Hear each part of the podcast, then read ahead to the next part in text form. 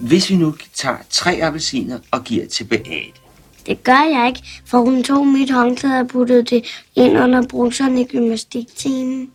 Nå, ja, hvis, hvis vi nu giver tre tilbage. Det gør jeg ikke, det bliver helt vådt. Nå, er det så nogen, du godt kan lide? Anders, ham kan jeg godt lide. Okay. I starten af april var der en artikel i øh, tidsskriftet Nature, som vi lige markerede, i hvert fald mentalt, at der var et emne, som kunne være interessant at tage op. Også sådan ud for vores egne erfaringer, arbejde med design og teknologiudvikling og den slags. Og det var en øh, artikel, som havde øh, titlen People Systematically Overlook Subtractive Changes. Og den er skrevet af amerikanske øh, psykologer, øh, ser det ud til. Og øh, den er modtaget i juli 2020, og så udkommet her i april 2021. Så den har ikke været så længe undervejs, som ting nogle gange er. Og det, der var sjovt her, det er, hvordan at øh, den her gruppe forskere, de prøver øh, at sætte nogle eksperimenter op, hvor de kvantificerer, hvordan folk forholder sig til at skulle ændre på noget, om hvorvidt, når de så skal ændre på noget, om de så tilføjer elementer eller komponenter, eller fjerner elementer og komponenter. Øhm, og de prøver sådan dag at skabe forskellige incitamenter for at gøre det ene eller det andet. Øhm, og de prøver også at gøre det, med, øh, som man kalder priming, Altså, de prøver at lægge op til, at man for eksempel kan fjerne elementer, eller lade være med at lægge op til, at man kan fjerne elementer, og så se, hvad folk de gør. Og, øh, og de kigger både på nogle, øh, nogle data, som er versionelle, som genererer i anden sammenhæng, og så laver de, sætter jeg også no, selv nogle forsøg op. Og, øh, og der øh, er blandt andet et forsøg med, med Lego-klodser, hvor de har folk i laboratoriet, hvor det handler om at ændre på en figur, som bliver mere stabil. Øh, der er et øh, lidt mere abstrakt eksempel, der handler om at ændre på en minigolfbane. Øh, og så noget af det, de kigger på øh, fra sådan op- observationelt, det er øh, nogle forslag til at ændre nogle procedurer på universitet. Så vi taler så både om ting, der handler om øh, at ændre på fysiske objekter, men så også abs- abstrakte ting som procedurer for eksempel. Øh, og det, de jo så siger, det er, at der, der lader til at være noget generelt her, øh, som går på tværs af de her domæner, og som spiller ind i noget, som, som vi kender, som sådan nogle øh, tommelfingerregler, som for eksempel less is more, eller at øh, hvis man kan fjerne ord fra, fra sin tekst, så er færre ord, de er nok bedre. Øh, øh, koncise tekster, der, de, dem bliver der sat pris på. Øh, så de mener, at, at, at de i virkeligheden kigger på noget, der går på tværs af design og, måske, øh, og øh, og øh, forfatterskab, øh, måske også ledelse, og sådan nogle ting som øh, lovgivning potentielt også. Ikke? Øh, og der synes vi så, at, at der var et eller andet i det her studie, som øh, kunne være enormt sjovt at, at diskutere, fordi vi jo vel sådan selv også har set i forskellige sammenhæng, hvordan der med at tænke i subtraktion øh, er noget, der nærmest kan fremelskes, eller øh, nærmest øh, drives frem fordi vi måske har den her indbygget tendens til at ville øse på og lave mere. Ja, utrolig spændende artikel. Øh, måske fordi den, som du siger, netop øh, bekræfter en masse ting, man måske gik og vidste i forvejen, men påviser det i forsøg. Det er altid fedt. Øh, jeg synes specielt den her, øh, øh, det er meget illustrerende, den her Lego, øh, Lego-opgave, som man har stillet forsøgspersonerne. Øh, vi skal nok smide et billede af, af den her Lego-figur på Twitter, men man skal forestille sig en, en boks bygget i Lego, en firkant, solid base. Oven på den boks er der en enkelt klods, en 2x2, hvis man øh, er vant til Lego. Og oven på den 2x2, så er der så endnu en, en figur, en, en plade. Og det er klart, den plade øverst, den er ustabil. Det kræver ikke mange kræfter lige at vippe den, fordi den, den hviler kun på den her lille Lego-klods. Og så har man givet forsøgspersonerne øh, adgang til nogle flere Lego-klodser, og så beder man dem om at stabilisere den her figur og gøre den øh, stabil over for tryk i forskellige, øh, på forskellige områder den her øh, plade. Og uden priming, og uden at man, øh, kan man sige, belønner folk for det, som når man først har, har set opgaven og læst teksten, er det åbenlyse, jamen så vil øh, langt de fleste forsøgspersoner bruge klodser til at stabilisere pladen. Det vil sige, at man lægger klodser ud i kanten af den her øh, base, firkanten, for at stabilisere alle hjørner af den plade, der ligger ovenpå. Øh, og det var også min egen intuition. Jeg kiggede på billedet først, så læser jeg jo gerne artikler. Først billederne, og så teksten. Og der tænkte jeg jo umiddelbart, ja, man skal jo have en, en klods ud af de her øh, fire hjørner af basen, så vil pladen ovenpå være stabil. Men ingen steder i den opgave står der, at man skal bruge alle de klodser, man får udleveret, eller at man overhovedet skal bruge klodser, eller at der ikke må være nogen klodser til overs. Så det nemmeste er jo selvfølgelig at pille den midterste klods af, fordi så hviler pladen direkte ned på basen, og så har du den mest stabile konfiguration, du overhovedet kan have i uh, den figur. Hvorfor er det, at vi ikke ser det umiddelbart? Hvorfor vil vi gerne putte flere ting på, at det er elementer til den her figur, i stedet for at, at pille nogle elementer fra? Fordi målet var jo at stabilisere, ikke at lave et højt tårn, eller størst mulig figur, eller bruge alle klodserne. Jeg synes, det er sindssygt interessant. Vi har et eller andet bias mod addition. Jeg kan så også lige tilføje, at øh, det er sådan en rigtig adfærdsøkonomisk øh, eksperiment her.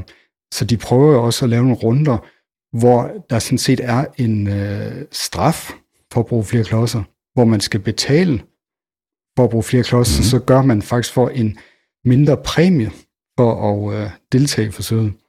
Og der, selv der har folk svært ved at undgå at vil bruge flere klodser.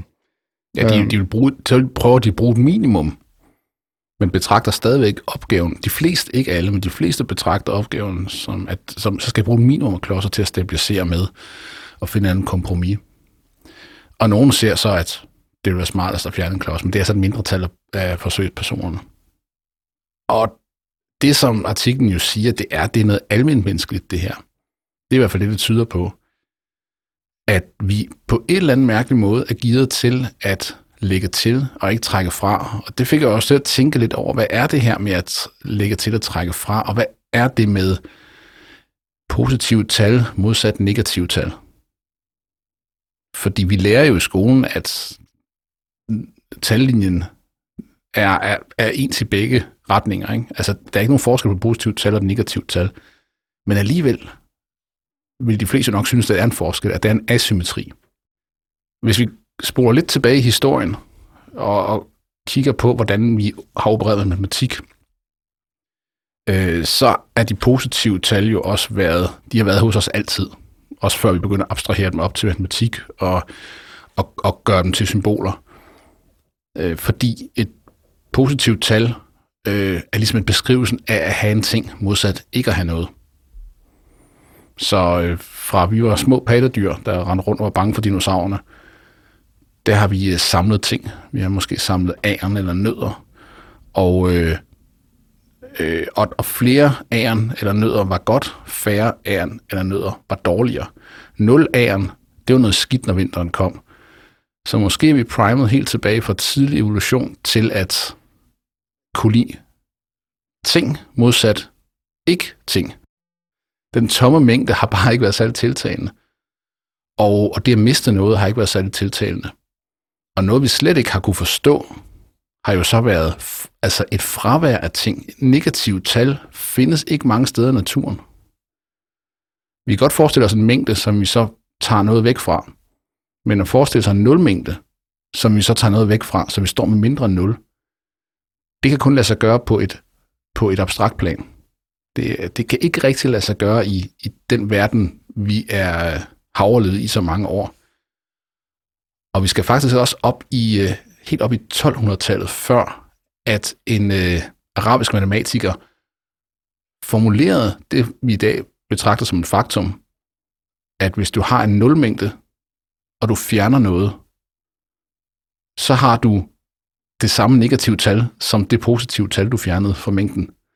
Det var ligesom noget, der skulle formuleres i sprog, før vi kunne operere med det.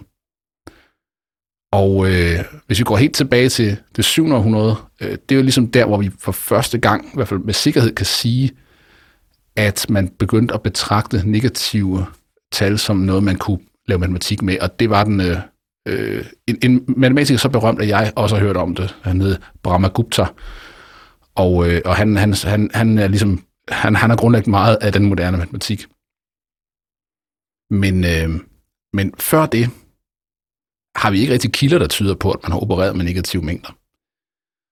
Og, øh, og helt op i øh, øh, hvad hedder det, 1700-tallet, jamen der var negativt tal stadigvæk noget, noget dystert og noget mørkt. Øh, en, en øh, britisk matematiker, der hed øh, Maserus, eller Maserus, jeg ved faktisk ikke, hvordan det skal udtales, han øh, udtalte, at uh, negative numbers darken the very whole doctrines of the equations and make dark of the things which are in the nature excessively obvious and simple. Det er noget dystert noget, ikke? Altså, negativt tal har været måske nærmest okult. Ja, her lyder det som om, at man havde idé om, det nærmest fjernede noget fra, fra Guds skaberværk, ikke? Og der, der var jo også idé om, at, at der var lige præcis det, der skulle være. Øh, og det var godt. Øh, og så er det selvfølgelig øh, træls, hvis der er sådan nogen, der begynder at lave sådan operationer, som fjerner ting. Øh, og, og det er også det, der virker som om, at øh, med, de, med de positive, især heltal, ikke? Det, som du var inde på før, det, det er noget, vi kender til for vores øh, øh, evolutionære øh, miljø. Øh, det er oplagt for os, at, øh, at der er ting i verden, og øh, vi har vi har 10 fingre øh, og så videre, øh, og vi, kan, vi har ikke nogen umiddelbare måde at, at repræsentere det, der, det negative på, og, og det lader jo som om, at vi først skulle være i stand til at lave operationer, hvor vi så kunne, som du siger, gennem noget abstrakt nå frem til det, ikke? hvor at det vi også lærer som barn, det var det med at tallinjen, ikke? at man kunne, når man, øh, når man lagde til, så gik man øh, til højre på tallinjen, og når man trak fra, så gik man til venstre. Det var operationer, snarere end det er objekter, mm. som er, er det, der kommer ud af vores øh, væren i, i verden. Så vi skulle ind i det her abstrakte rum, det abstrakte sfære, før, før vi, øh, vi man kan sige, lave formalismer med med subtraktion, og så jo virkelig mm. også bruge det til noget. Um, så, så der er nok virkelig en, en, en lang evolutionshistorie uh, i forhold til os som informationsprocesserende systemer, mm. som har skulle forholde sig til vores, uh, uh, indtil i hvert fald ret nylig, total ressourceknappe omgivelser.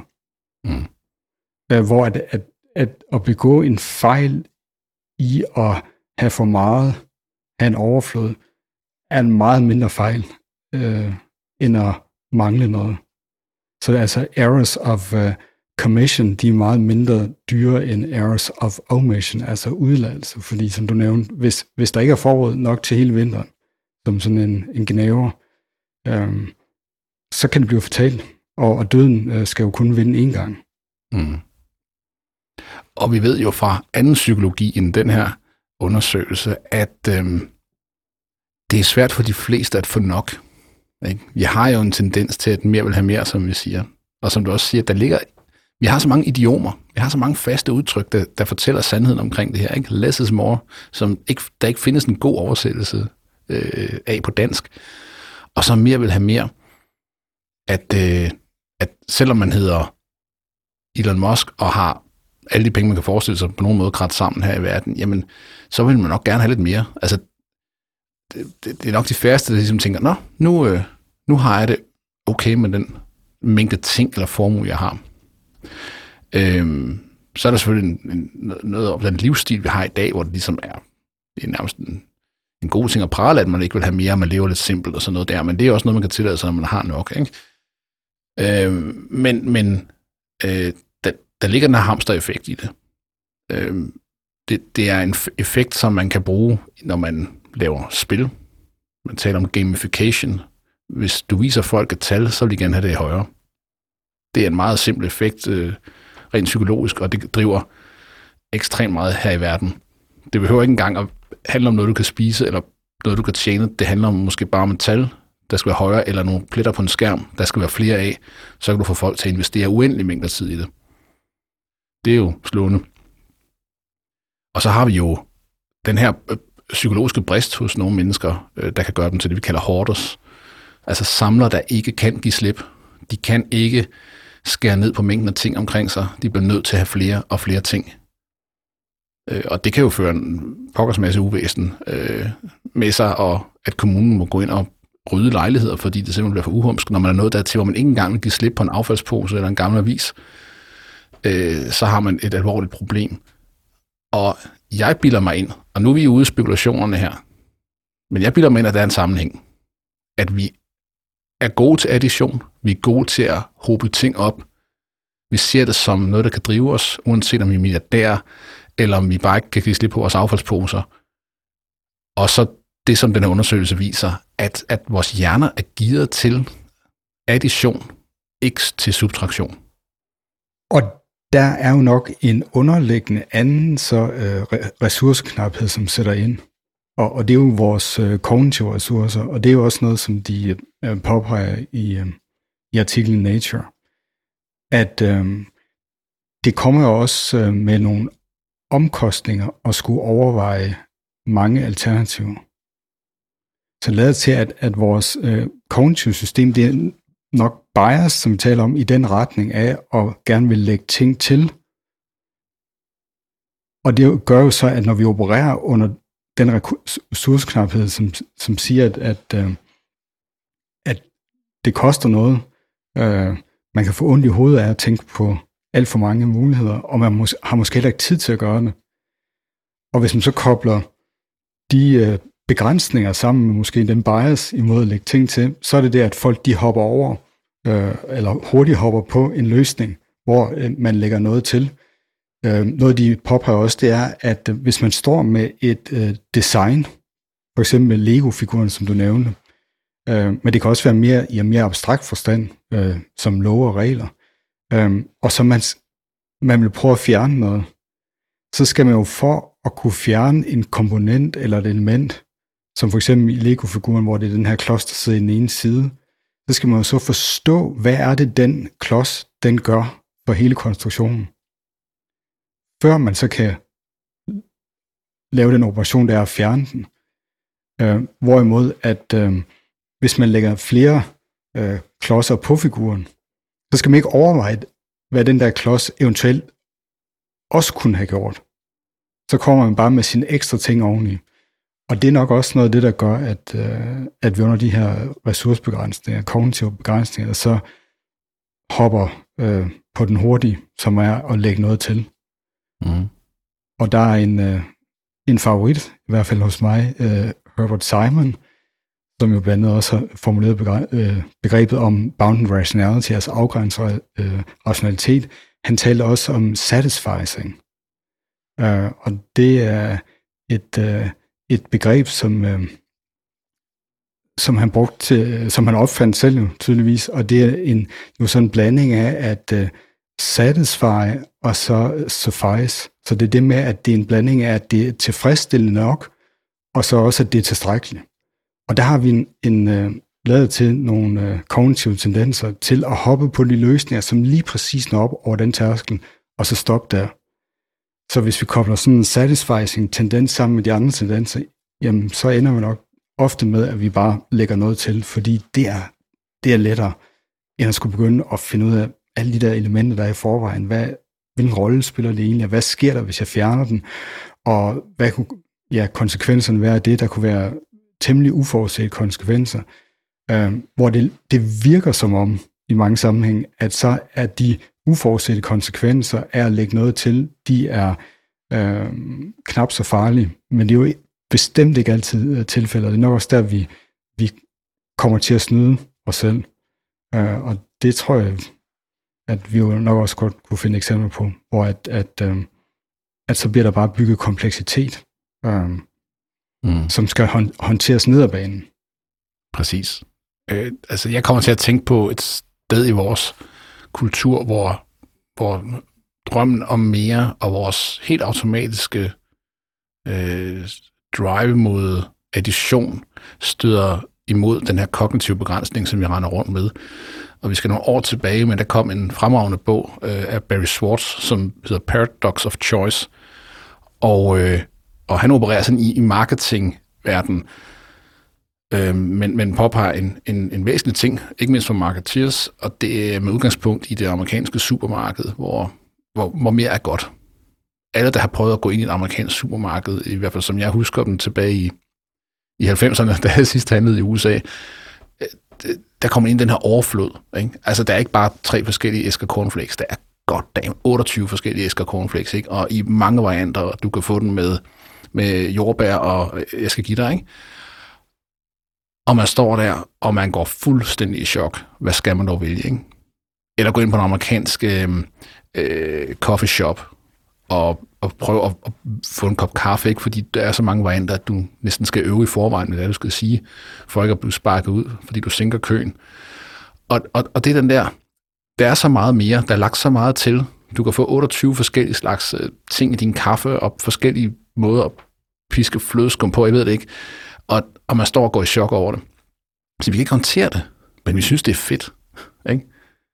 Selvom vi skal kæmpe os vej igennem det her moras af forskellige varianter. Øhm, og det er, øh, øh, der kan man sige, det, det er selvfølgelig i den amerikanske kultur gået helt amok, men vi er sådan set også ret gode til at adoptere det herhjemme, fordi som alle mennesker til synligheden har, har vi et drive mod mere. I hvert fald i Vesten. Jeg er ikke antropolog nok til at kunne udtale mig om stillehavskultur eller den slags. Nej, hvis vi så netop ja, bliver lidt øh, over på den anden side af landet, så er der jo så også nogen øh, derover der er så i stand til at gå i en anden retning. Det kan også være, at, at der er behov for den her spænding mellem de forskellige øh, tendenser. Mm. Øhm, og en, der var øh, jo berømt for at kunne øh, forenkle tingene, og på den måde få mere ud af det, øh, det var Steve Jobs øh, mm. i Apples produktudvikling.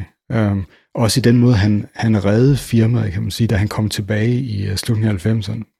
Fordi der havde uh, Apples uh, udvalg af produkter også fået lov til at, at knopskyde. Og der var simpelthen alt for meget forskelligt. Uh, og der havde han så opnået erfaringerne og indsigten til at, at have den faste hånd og uh, til at simpelthen sige, der er alt for meget her. Vi skærer ned. Vi skal have færre valgmuligheder. Det skal være enklere for, for kunderne at forstå, hvad det er, vi handler med. Og det er jo også noget, som er, ofte er svært for især store virksomheder. Det er at, at kunne tage den der slags beslutninger og så gennemføre dem med en fast hånd.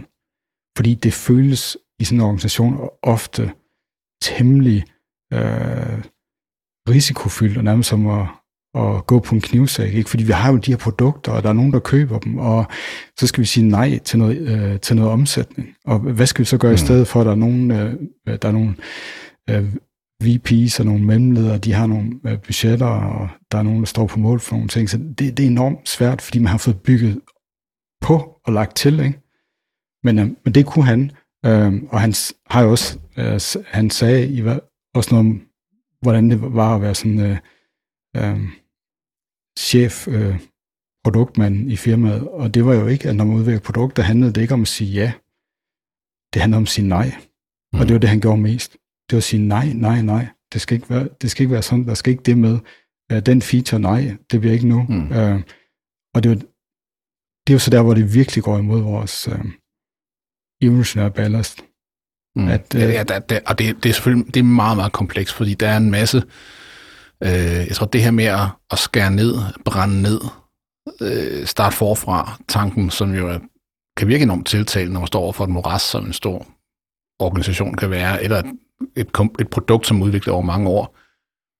Øhm, og der er selvfølgelig den del af det, den skal vi ikke tale om i dag, men der er den del, der hedder, hvis man går og sælger det her produkt, og har en bundlinje på det, øh, tør man smide den væk for at håbe på, at man så rammer noget nyt og godt.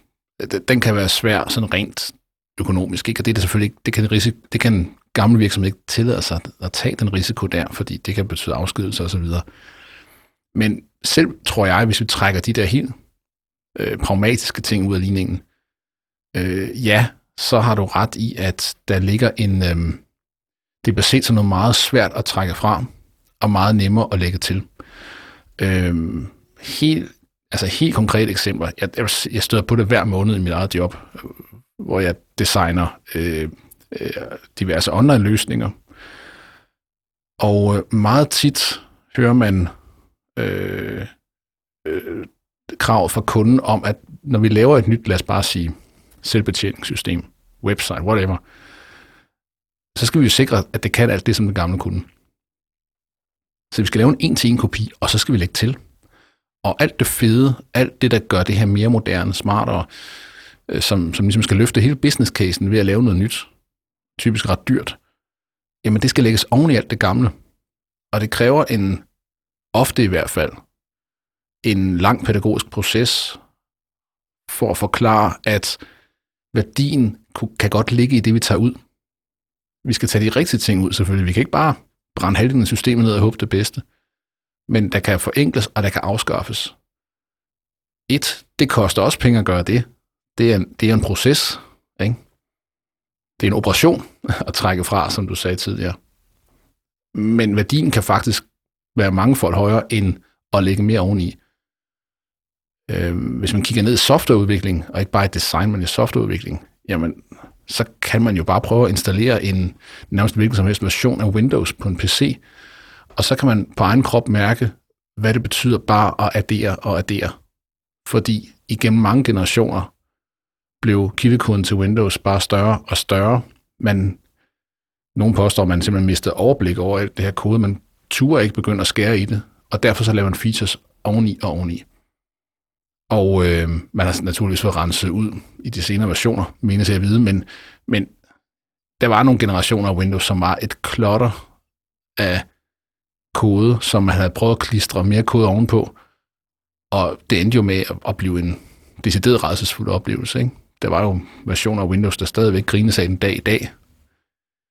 ME 95 måske til dels, XP også til dels. Altså, øhm, det, var, det var det additive helvede, man røg ind i der. Man havde ikke måske en proces for, hvordan man afskaffede. Og, øh, og for at komme tilbage fra hele det meget lange loop, jeg er ude i nu, så tror jeg, det handler om, at i de fleste organisationer, hvis du kommer og foreslår noget nyt, så bliver du rost. Så får du midler. Hvis du kommer og foreslår at fjerne noget, øh, at gennemgå noget minutiøst og plukke alt det overflødige fra, at refaktorere, øh, om det så er organisation, eller om det er kildekode, eller hvad det er, det er ikke så spændende. Ikke? Det, det er svært at pitche. Det er svært at, at sælge opad til. Og derfor vil vi bare gerne addere det, det vi giver til. Ikke? Det er værdi, det er vækst. At fjerne noget, det er jo ikke vækst. Det er jo negativ værdi. Det bliver man sgu ikke berømt på internt i en organisation. Nej, der lader det til, at øh, når det lykkes, øh, så er det ofte fordi, der er nogle øh, individer, der har sådan et ende-til-ende ansvar. Øh, nu, ja. nævnte jeg, nu nævnte jeg Steve Jobs, øh, og, øh, og en anden, man kunne nævne, det er Elon Musk. Som jeg så der var han igen. Der var han igen. Men han er svær, han er svær at komme udenom. Lige i tiden, ja. Øh, og han lader nemlig også til at have indset det her, øh, øh, hvor han sagde for nogle år siden, øh, jeg snakker om Starship, at uh, the best part is no part. The best process is no process. It weighs nothing. It costs nothing. Can't go wrong. Og det er jo også, fordi han ser det som, han, han er chefingeniøren, der har ansvar for hele den her samlede øh, system, der skal bygges, som kan, øh, skal resultere i en, øh, en bosættelse på Mars ikke, med, med en million mennesker. Så derfor så hjælper det ikke, at uh, SpaceX bruger den gammeldags aerospace-måde uh, øh, at bygge raketter på, som jo i, i den grad uh, blev uh, uh, befordret af NASA's såkaldte Cost-Plus-kontrakter, som jeg har nævnt tidligere, om at, at man sådan set på forhånd aftaler med leverandøren, at uh, de får deres omkostninger dækket plus en eller anden profit. Det vil sige, jamen, hvis man putter en ekstra komponent i en, i en løfteraket, jamen så koster den noget, det er noget kost, yes, og så får vi lige noget profil oveni. Øh, så der hvor havde man sådan set uh, uh, lavet incitamenter for, at man fik bygget mere og mere komplekse designs, som var svære og svære at håndtere. Uh, og jeg synes, det Elon citat der også indikerer, det er jo, at man jo virkelig forstår, hvordan er, der er en sammenhæng mellem uh, de fysiske komponenter, og sågar, du nævner også software-komponenter, man får bagt ind i noget, og så den proces, der skal til for at håndtere det. Mm. Og det er jo så nok derfor, at jeg selv har, jeg ved ikke om det er en produktiv form for øh, dogenskab, eller måske frygt for i virkeligheden at skulle binde fremtidige ressourcer. Fordi jeg, jeg, jeg bryder mig virkelig heller ikke om at putte for meget ind i noget software, fordi jeg ved, det koster support ned ad vejen. Ja. Den, den, den bedste kode, man kan skrive, det er den øh, kode, man ikke skriver. Mm. Fordi den skal ikke supporteres længere vejen. Den bliver ikke øh, inkompatibel med en opdatering for et eller andet underliggende bibliotek eller operativsystem, som man bruger. Øh, og det var, altså dit Windows-eksempel, det var også øh, baseret på, at, at Windows jo blev brugt af så mange applikationsudviklere, som Microsoft, som måske gennem årene har lige har givet en ekstra lille funktion, hister her, så de lige kunne gøre et eller andet. Og hvis de så skulle fjerne den, så bliver de jo nødt til at finde ud af, hvad er de her konsekvenser af at gøre det? Hvor mange gør vi, Øh, gør vi utilbens ved at, øh, ved at fjerne sådan en funktion? Mm. Og, og det er så bare der, hvor det ser ud til, at når, er der, når der er mere sådan end-to-end, eller der er mere vertikal integration, og hvor der, hvor der er en person, eller i hvert fald en meget, meget lille komité. Altså, jeg næsten, det skal være ikke meget mere end måske to eller tre personer, der, der kan træffe ind, de her ende-til-ende beslutninger. Så det er ofte der, man har et, um, et miljø eller en sammenhæng, hvor det lader sig gøre og gøre det her, fordi incitamenterne er på plads. Ja, vi kommer ikke op og skændes om det. Der er den nuance selvfølgelig, at hvis du sætter en, øh, en ingeniør til at sige, hvad er, hvor lidt kan gøre det, øh, så kan det ske, at den ingeniør glemmer, at, øh, at der sidder nogle ikke-ingeniører, der skal interagere med et system, og det vil sige, at der kan faktisk bruges ret meget kode til at skabe en brugerflade, der er meget enkel. Øh, og så, så der kan man ikke, jeg tror ikke, vi kan sætte, altså, altid sætte lige med tegn mellem øh, kompleksiteten og mængden af kode nødvendigvis. Men feature by feature, ja, der er en, en helt klart øh, øh, konstant kamp, i hvert fald i den designverden, jeg kommer fra, på at at skubbe ned og ikke skubbe op, at forenkle ting, at fjerne ting. Det kan være meget, meget svært at lægge ting til. Alle vil gerne have så meget som muligt for pengene, og det man får, synes man, det er features. Jo flere features jeg får for min, mit budget, jo, jo bedre handel har jeg gjort. Men faktum er, at sådan forholder det sig faktisk aldrig.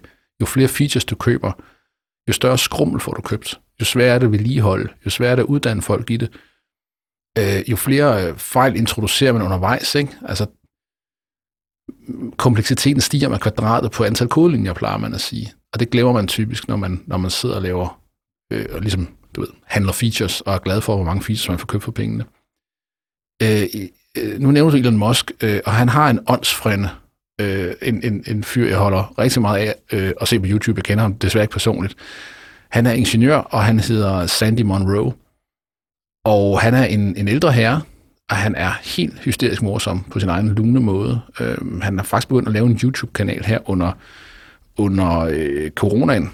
Han har en, øh, en, en meget berømt faktisk øh, virksomhed, der hedder Monroe and Associates, som lever af at øh, øh, skille biler ad.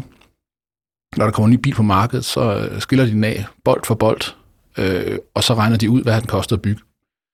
Og han er et stærkt begavet menneske, som i, øh, jeg vil næsten sige gamle dage nu, arbejder blandt andet hos Ford, hvor han prøvede at optimere produktionslinjer, og han prøvede at optimere produktet. Og han havde det her mindset med, kan vi skære ned? Kan vi støbe tingene i et stykke i stedet for tusind stykker? Kan vi spare på skruerne og boltene og øh, dimsedutterne og gøre den her bil nemmere at producere, øh, nemmere at vedligeholde og, og billigere? og ingen vil høre på ham. Af mange grunde, blandt andet tradition, men også fordi han ville jo fjerne ting. Og det lå ligesom ikke i den amerikanske tradition at fjerne ting. Øh, det, var ude sådan en underlig form for overengineering, hvor en, en skrue mere, det var nok godt. Men han havde en meget mere moderne mindset. Og han, øh, hans forbindelse til Elon Musk er, at da han første gang skilte en, en øh, Tesla af, så var han for det første rasende over øh, nogle ting, øh, som var virkelig elendigt lavet. Men han var også ret fascineret af den filosofi, der lå bag bilen, fordi den handlede om at fjerne ting. Den handlede om at fjerne dashboardet, den handlede om at fjerne en hel masse detaljer, som en bil grundlæggende set ikke har brug for. Og de, de to har så siden mødtes, og, og, og de svinger ret godt sammen. Det kan man også finde på YouTube. Men pointen var sådan set bare at sige, altså han er blevet, han er ikke blevet småbitter, men han fortæller gerne om anekdoterne fra den gang, hvor man ikke vil høre på ham, selvom han kom med en god business case. Selvom han kunne bevise, at det var en god idé det der med at fjerne ting, det var ikke, det var bare ikke op i tiden. Og det var så der, hvor at, øh, den amerikanske bilindustri så begyndte at få smæk af den japanske. Øh, og der har jeg jo så læst nogle, øh, nogle vilde bøger af nogle af de fyre, som, øh, som er med til at lave den transformation i japansk industri. Blandt andet hedder Shigeo Shingo, som har lavet en, en meget teknisk bog om øh, omstilling af maskineri fra en produktion til en anden. Og øh, det er også en bog, hvor der er nogle altså vilde eksempler på, hvordan hvis man tænker first principles omkring noget maskineri og nogle processer, så simpelthen bare kan fjerne øh, trin efter trin, eller øh, vendinger inde i gevind øh, osv., som gør, at lige pludselig står en proces, der, der nærmest kører en størrelseorden hurtigere. Mm. Uh, og det var det, japansk industri, de uh, formåede der i efterkrigstiden uh, op i 70'erne. Der var nogle af de uh, omstillingsprocesser i bilindustrien, der gik fra, hvor amerikanerne, det tog dem flere dage at omstille de store presser, så gik de ned til at kunne gøre det på nogle 10 minutter. Uh, og det kan godt være, at der er et eller andet japansk uh, tænkning uh, og japansk kultur og kunst, som også har, øh, som har været befordrende for, for den udvikling og hvor sådan den amerikanske, mere maksimalistiske, additive øh, kultur måske har arbejdet mod det, Monroe han prøvede at komme og fortælle dem hos øh, de amerikanske bilfabrikanter. Mm, præcis. Og det skal ikke lyde som om, at kompleksitet nødvendigvis er dårligt. Nogle ting skal være komplekse, men det skal være det rigtige, man gør komplekst. Øh, jeg kom til at tænke på, at hvis vi kigger, hvis vi kigger væk fra ingeniørkunsten og teknologien, jamen så er, er der også nogle trends i, øh, i øh, kunsthistorie, kulturhistorie, eller nærmest idehistorie, som giver mening, og, og lige måske lige vende her. Øhm, for efterhånden rigtig mange år siden skrev jeg et, øh, et, et essay på uddannelsen om, om øh, modernisme. Og det, der slog mig, da jeg så arbejdede med det, det var, at modernismen altså faktisk var stort et brud med, med tidligere øhm, kultur og designformer modernismen egentlig var, øh, fordi den handler om at fjerne. Og stort set alle tidligere øh, øh, retninger, faktisk alle tidligere retninger, havde handlet om forskellige former for ornamentik. Og selv det, der blev betragtet som ligesom den tidlige spirende modernismes gennembrud øh, i form af skøn virke, øh, som vi kalder det Art Nouveau øh, i udlandet, er, er, hænger stadigvæk fast i en, i en gammel kultur, hvor det handler om at lægge til og putte på, hvor, hvor vi lagde ting oven på funktionen. Og det var først, da modernismen faktisk sparkede igennem for alvor, at, at funktionen i sig selv blev nok. Og så kan man polere på den. Det er helt i orden. Man kan godt få det enkle til at være smukt, æstetisk. Øh, man kan arbejde med materialer, man kan arbejde dybere ned i produktet. Men så vidt jeg kender min, min øh, kunsthistorie, så, så er det først med modernisme, at vi sådan set begynder at indse, at det her med at trække fra kan have en værdi. Der blev endda talt om horror vacui på latin, mm. altså frygten for det tomme, øh, og det, at det helst skulle fyldes ud. Øh, ja, med, altså hvis du kigger på renaissancekunst eller renaissance-design, ikke? renaissance-møbler, øh, der er ikke mange øh, kvadratmeter, kvadratcentimeter, der ikke er fyldt med noget. Øhm, selv, selv, selv almuemøbler blev, blev skam øh, udstyret med, med kromoluer, fordi øh, det, det, noget skulle der være at se på. Ikke? Øhm, og, øh, og det kan også være dybt fascinerende. Øh, og, og, og it, it, it rears it, its ugly head en gang imellem i, øh, i produktdesign, hvor man begynder sådan i at, at fifle lidt med det, men det dør jeg vil sige heldigvis hurtigt igen, øh, og vi vender tilbage til en strammere modernistisk stil igen og igen i, øh, i de ting, vi omgiver os med. Øh, det er som om, det er et paradigmeskifte, vi ikke rigtig får lov til at spole tilbage på. Og som modernist vil jeg sige, Gud skal takke og lov for det. Ja, så altså, om der er sådan en øh, civilisationshistorisk udvikling eller modning uh, der, det er et godt spørgsmål, men jeg har i hvert fald kunne se den hos mig selv også sådan i, i mit musikalske udtryk, hvor det var tydeligt, at som, uh, som yngre, der handlede det nærmest også om at få udfyldt hver eneste ledige uh, mikrosekund med et eller andet, mm. som, som improvisator. Hvor det imod med, måske med alderen lidt modenhed, så lærer man også at uh, give noget luft. Og, og at i, pausen kan der ligge enormt meget mening. Og det er også sådan en, en af, øh, mine helte, Miles Davis jo, øh, helt klart var mester i. Øh, og der er sådan en sjov historie fra øh, dengang øh, John Coltrane var med i hans gruppe, det, der var sådan fra de tidlige år, hvor at, at Coltrane han virkelig også øh, spillede meget, og faktisk øvede sig på at udvikle en stil, der virkelig fik fyldt øh, mere end alle 16 dele noget, også hvis det skulle være. Øh, og hvor han så spurgte Miles om, øh, jamen, han, han kunne ikke rigtig finde ud af, hvordan han skulle stoppe sin solo. Øh, det blev bare ved med at komme, og så Miles tørre kommentar, det var bare, øh, bare at tage en mundstykke ud af munden. Øh, og det er, det er nok noget, man skal lære, og det, jeg ved om også, du har altså, set det med altså designer, og måske også dig selv, altså, at øh, man skal måske også sådan, løbe nogle horn af, øh, eller ud og afprøve nogle hjørner i konvolutten, før man kan nå frem til det, der er, er mere enkelt, og er, er mere knapt i sit udtryk. Jamen på, på alle mulige måder. For det første kan jeg jo, altså jeg tror alle, der har spillet improvisationsmusik, vil jo eller bare spille musik, vi jo genkendte. Ikke? Altså den, den umodne trommeslager kan simpelthen bare ikke få slag nok ind. Øh, og man taler jo om, om sine chops, ikke? Altså, og, og, og man bliver først god, når man dropper det. Og, og, og, og, og spiller så lidt som muligt. Man bare gør det skide tight. Så, øh, så har man ligesom flyttet sig. Øhm, og jo, i design i meget høj grad, og det igen, altså feature overloading. Hvor man, hvor man tror jeg som, øh, øh, som yngre designer eller uerfaren designer øh, ligesom tænker, hvor mange gode idéer kan jeg få på, på kort tid, hvor mange, hvor mange øh, idéer kan jeg hælde ind i det her produkt, og man kunne også, og man kunne også, og man kunne også. Og så vil der typisk stå en lidt mere erfaren designer ved siden af, netop at sige, øh, tag mundstykket ud af munden nu, fordi det der stikker jo af. Øh, og og øh, mange idéer er gode idéer. Men, men det er også sindssygt svært at så finde frem til kernen i et produkt, eller kernen i en løsning eller et design, og sige, det er lige præcis det her, og ikke andet.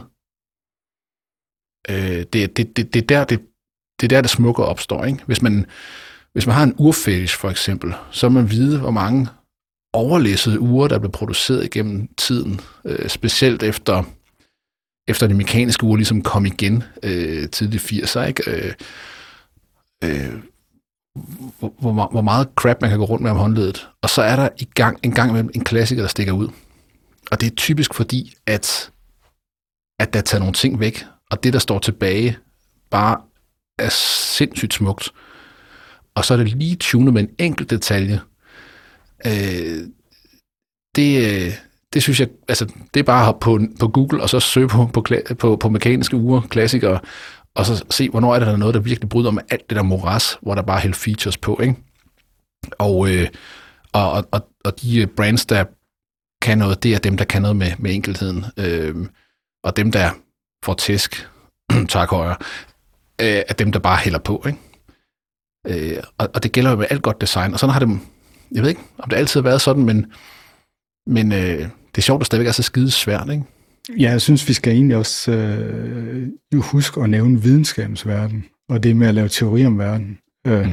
hvor at der er jo et gammelt princip som Ockhams ravekniv, som handler om, når man står med forskellige mulige forklaringer, så er det ofte godt at vælge den, der har færrest øh, bevægelige dele og gør sig færrest antagelser. Øh, også fordi den, den har ofte en robusthed i forhold til at, at møde virkeligheden.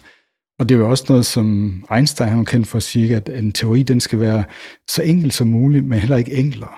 Og det er mm. så også der, hvor at, at finde det punkt jo bestemt ikke er en, en, øh, en triviel sag. Øh, og nok også der, hvor at man kan ikke nå frem til de der virkelig enkle elegante, subtraktive løsninger ved bare at satisfy sig, og så tro, at når man har fundet den første bedste, så er det det. Øhm, den øh, måde at få gode idéer på, det er jo for mange idéer også. Så, så, så det, vi er nok tilbage ved det med Steve Jobs også, det med og, at, og derefter rydde op i den. Ikke? Præcis, og sige nej, altså få, generere en masse idéer, og så kunne sige nej til dem, mm. og så lære at vide, hvornår har vi ramt det der punkt, hvor at det er så enkelt som muligt, men ikke enklere. Øh, det er nok noget, hvor man simpelthen bliver nødt til at øh, arbejde med et felt eller øh, en, en praksis, øh, og så øh, udvikle intuition omkring. Det, det virker nærmest på mig sådan, ikke, at det ikke det er ikke noget, man bare sådan kan lære ved at læse en bog. Man kan, man kan lære om eksempler på det, og man kan lære øh, noget af historie og hvad andre har gjort. Men jeg tror også, der er en, en praktisk øh, dimension i det, for at få opbygget intuitionen. For at vide, der, har, vi, har vi arbejdet nok med forskellige muligheder, og er det nu, det er ved at være tiden for, at nu kan vi trække noget fra og nå frem til noget, der er enklere. Ja, og jeg tror, det starter ved at indse, at det er en ting. Jeg tror, det kræver en form for indsigt. Det, det lyder jo fuldstændig banalt, når vi snakker om det her, man bare skal tage noget væk. Men, men jeg tror, i alle, der på en eller anden måde har et kreativt virke, eller hvad de fleste mennesker har i en eller anden form, ikke? Øhm, så kommer der sandsynligvis ret tidligt, hvor, hvor man pludselig indser, åh, jamen, jeg kan tage nogle ting ud af det her system, eller hvad det er, man sidder med, og så vil det blive stærkere. Inden for ingeniørkunst er det jo fuldstændig åbenlyst, og, og der kan man regne på det. Ikke? Altså, jo mere materiale du kan trække ud af en konstruktion, mens du bevarer styrken, jamen jo bedre er det. Ellers har vi jo ikke have de broer og, og biler og rumraketter, vi har i dag, hvis man ikke havde indset det. Øhm, men alligevel er det noget, vi skal arbejde med konstant til synlandet. Altså det er som om, at vores civilisation bygger på, bygger på, bygger på, og så kommer der sådan en anden frasering, en anden længere rytme, der så tager ud. Men vi er bare så meget bedre til at bygge på, en faktor meget bedre til at bygge på, og så en gang imellem, så bliver der ligesom øh, ryddet op på, på sådan en anden, øh, mere grundlæggende øh, façon.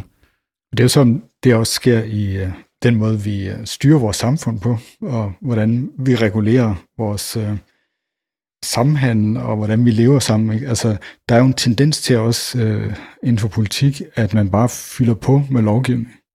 Ikke bare en tendens. Det er, det er cementeret ned i systemet. Og øh, øh, det, det er få uger siden, jeg hørte en politikere, jeg kan ikke huske, hvilken parti, jeg kan huske, hvilken politiker vi snakker om, det er også fuldstændig lige meget, de kunne alle have sagt det. De var meget øh, glade og stolte, for de havde i den grad fået nogle lovforslag på banen. De har været meget produktive. Og, og, og, og man måler sig som folketingspolitiker på, hvor mange lovforslag du kan få, få, øh, få op, og hvis de ovenikøb bliver til lov, er det jo helt fantastisk. Så vi har bygget et, et øh, lovgivende system, som kun kan hælde på. Øh, det kræver en lov at afskaffe en lov, og, og, og det lykkes ikke særlig tit. Og det er også den her, det er jo så, vores lovkomplekst er komplekst.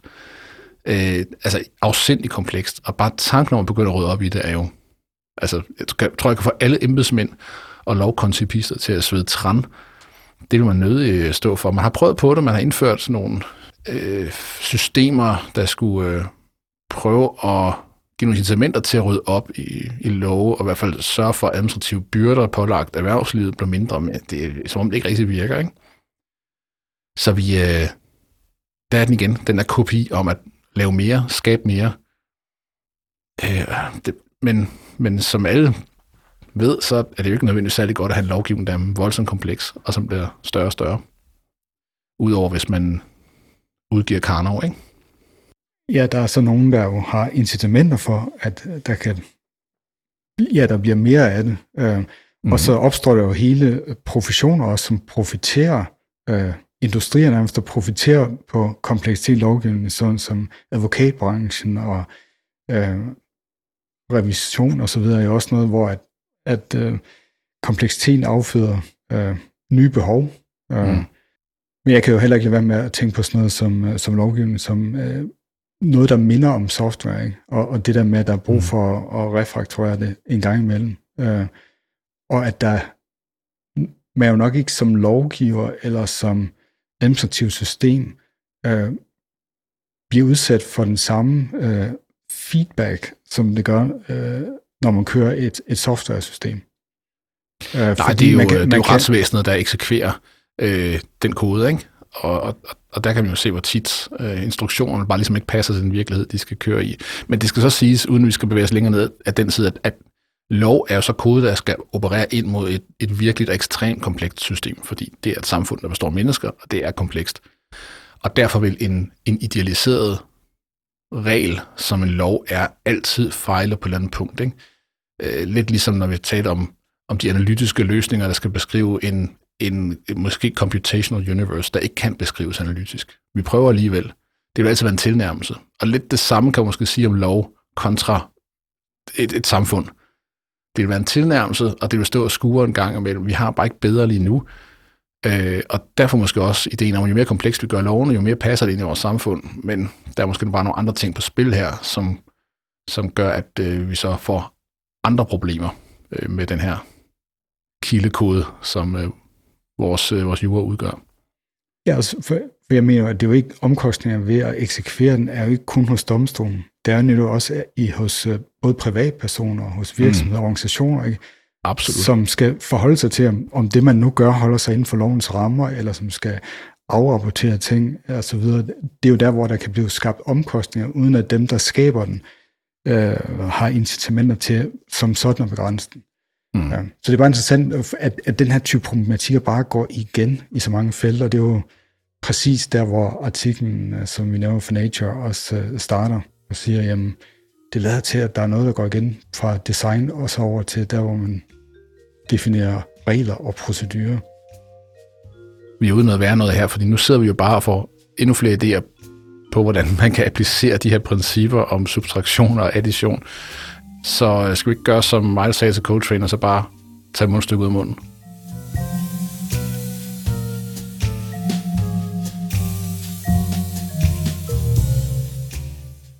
Silberbauer og Blomset er en samtale om systemerne, videnskaben og mønstrene bag fænomener og teknologier, der præger alt for vores dagligdag til menneskehedens ultimative skæbne.